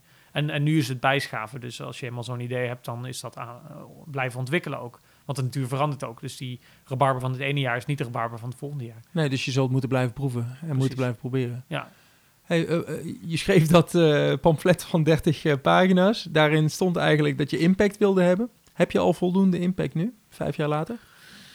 Ehm, ik, ben, eh, nog, ik ben nooit helemaal tevreden natuurlijk. Ehm past misschien ook wel bij mij, maar dat, ehm, eh, ik, ben wel, ik ben wel heel erg blij met, met dat we dat stukje, die keten zeg maar, dat dat gelukt is. Dat we, daar, dat we dat echt gedaan hebben en dat we dus die, die impact wel aan het creëren zijn. Dat je bier maakt met eh, spullen die alleen uit Ja. Gelderland komen. Klopt. Ja, de enige uitdaging, en dat is eigenlijk nog een veel grotere uitdaging, is, eh, is dat overbrengen. Dat zei ik net ook al bij die Ja. crowdfunding. Of Ja. de volgende dagen, dus ik dat voor ons uitleggen en, en iets mee doen. En daar frustreer ik me dan wel over dat ik daar zelf weinig kaas van heb gegeten. En ook, ook niet, dat, weet je wel, dat ik die smaken zo intuïtief kan, kan koppelen en leggen, vind ik super fijn. Maar ik kan niet intuïtief nadenken, hoe moet ik dit vertellen? Eh, hoe, moet ik, moet ik op een pakkende manier, en een moderne manier, want eh, ik ben heel goed in veel woorden, zoals je misschien al hebt gemerkt. Nou, je geeft eh, wel het goede, Ja. je geeft wel een goede antwoord op het moment dat ik vraag waarom moet ik meedoen aan die crowdfunding. Dat is niet om dat bier te kopen. Dat, dat, dat klopt, maar toch, zeg maar, om dat echt op een manier, op een moderne manier te doen. Ja, Ja. Ik, ik, ik ben daar uiteindelijk niet goed in. En dat merken we ook wel van dat, dat die niche die wij met onze bieren in zijn gegaan. Want we hebben het ontzettende niche bieren maken wij. Ehm, de combinatie met dat, dat, dat verhaal dat we hebben maakt dat het inderdaad wel moeilijk is om die koppeling te leggen tussen, tussen mensen dat, die dat uiteindelijk gaan kopen. En ja, dus die, die koppeling van wat voor bieren moeten we maken en willen we inderdaad eigenlijk steeds toegankelijker gaan. En ik merk ik daar zelf persoonlijk, dus dat is meer een persoonlijk ding, weerstand tegen heb. Is ik, ik wil geen pilsner maken. En ik wil niet niet wilde bieren maken. Want het, het kan heel makkelijk. Ik weet eigenlijk vrij zeker dat als ik gewoon zeg... Oké, we gaan gewoon niet bij onze brouwerij, maar gewoon huurbrouwen. Wel met onze ingrediënten, dus wel met ons idee. Maar gewoon die mout die we hebben en die hop die we hebben... maar dan gewoon in een andere brouwerij een soort IPA maken. Een echt een klassieke of een, een, een moderne IPA en, en een pils en dat soort dingen. Dat dat waarschijnlijk... En ook voor een prijs die wat lager is dan wat we nu doen. Wat minder Ehm, eerlijk. Hè? Wat minder eerlijk. Wat minder eerlijk inderdaad. Dan, eh, dan, gaat het aan. veel harder. Ja. Dat weet ik vrij zeker. Maar ik doe het niet. Dat gaat ook de kosten van je verhaal. Ja. Ik kan me voorstellen dat het ligt niet zozeer aan de zender als wel aan de ontvanger die steeds meer eh, aan je verhaal moet wennen. En ik denk dat je verhaal steeds meer aankomt nu Het al. is, ja, het, is, het, het heeft ook tijd nodig. En dat zien we ook wel. Bedoel, we zijn ook. extreem veel gegroeid. Dus ik moet ook niet heel veel zeuren. Het is misschien niet zo hard gegaan als dat ik in dat mooie pamfletje... want er zat ook een financiële bijlage bij... die eh, wat rooskleuriger is dan de realiteit heeft... eh, heeft, heeft toen... eh, nou ja, hoe het is uitge- uitgekomen in ieder geval. Maar... ehm, ehm, we zijn heel veel gegroeid. Als je naar onze omzet kijkt van 2018 tot 2019 zijn we met ja, 95% gegroeid. Ehm, dit jaar is natuurlijk een beetje een raar jaar. ja. Maar ja, grappig genoeg gaan we waarschijnlijk evenveel omzet draaien als vorig jaar. Terwijl je een heleboel minder aan eh, restaurants kwijt kan, kan ik me zo voorstellen. Precies. Ja. Ja. dus we gaan evenveel omzet draaien terwijl we in een heel raar jaar zitten.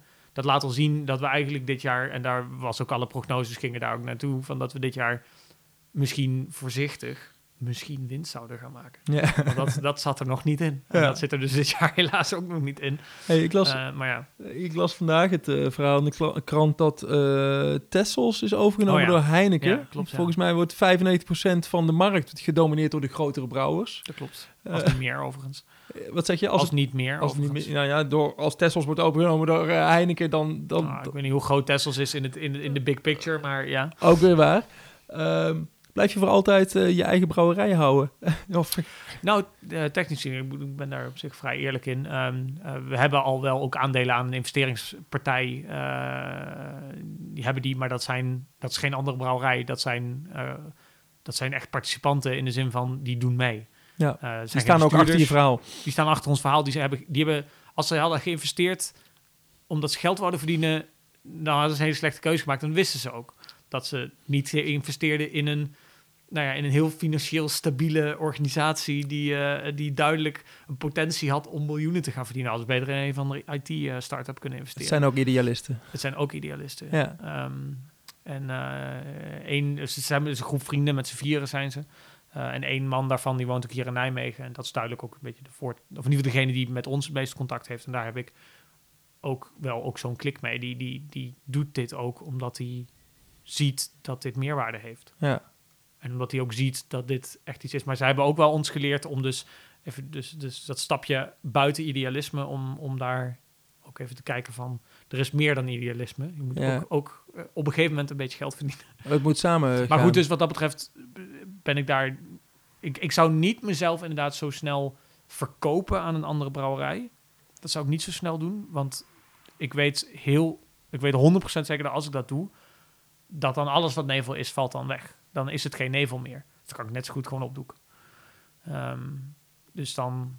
Kijk, als- ja, ik, en ik denk ook sowieso dat het bier dat we maken is helemaal niet aantrekkelijk om, om, om ooit door zo'n brouwerij over te nemen. Want wat wij doen, ja, als, als het verhaal wegvalt, dan, valt de dan is het een façade. En ja, dan moet het goedkoper zijn om het een beetje interessant te maken. En dan moet je heel ander bier maken. En dan denkt iedereen, ja, wat, Nee, stop maar. wat is hier aan de hand? Blijf maar gewoon Dus, doen. ja. hey, je zit op de honig. Mhm. De, de, de honig is wel eindig. Ja. 2021? Ja. En dan? Goeie vraag.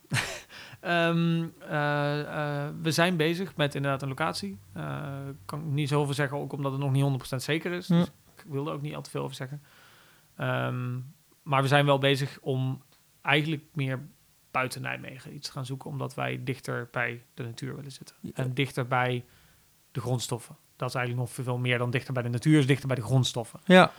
Dus dichter bij waar geteeld wordt. Ja. Ehm, dus eh, dat is Een brouwerij met een voedselbos eromheen. Dat zou toch wat zijn, jongen? Dat zou heel mooi zijn, inderdaad. Dat is misschien wel heel hoog gegrepen gelijk vanaf eh, de get-go. Maar in ieder geval, weet je wel, graanteelt of hopteelt. Of, of in ieder geval dat we dat daar kunnen laten zien. Dat we dat daar kunnen doen. Ehm, dat zou heel mooi zijn. En, en eh, eh, wat, wat, wat, wat voor ons het ideaalbeeld is, is een soort totaal boerderij. Moet je het dan eigenlijk bijna noemen. Boerderijbrouwerij waar je van teelt tot consumeren in één lijn op één plek kan doen. Dat is het ideaalbeeld.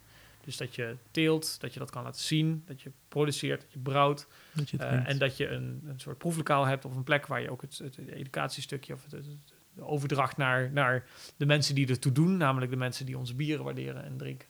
Eh, waar we dit eigenlijk uiteindelijk natuurlijk ook allemaal voor doen. Nou, niet helemaal, want we doen het ook om. de- Ja. goed. Je dient beiden. Dient Ja. beide inderdaad, dient de natuur en dient eh, De consument. eh, de consument. Ehm, en, eh, maar dat dus allebei daar te kunnen doen, dat is, de, dat is, dat is, dat is het ideaalbeeld. Mooi toekomstbeeld. Ja. Fijn dat je er was, man. Ja, Succes! ja, we hebben volgens mij al lang. eh, volgens mij Ik lang heb geen eh, idee, zal ik eens kijken? Ja. Ik denk 1 ook- uur 18. Maar die stond al Ah, aan toen is, we eh, hier een beetje aan het ouwe waren. Dat is waar. Ah, dat hebben we best netjes gedaan. dan. Ja, toch? Ja. Dankjewel, man. Zo, dat was hem alweer. Aflevering 22 met Matthias Terpstra. Misschien wel de meest eigenzinnige bierbrouwer van Nijmegen. Van Nevel is- hij dus. Ehm, ik ben deze podcast nooit begonnen om er eh, geld mee te verdienen. Maar op deze manier gaat het me wel eh, stiekem heel veel geld kosten. Vorige week kocht ik nog een eh, kledingsetje bij Daan Schraven van Schraf. Die ik eerder in de uitzending had. Die kleding maakt van reststoffen. En deze week heb ik me dus laten verleiden om Nevel te crowdfunden voor 99 euro per jaar.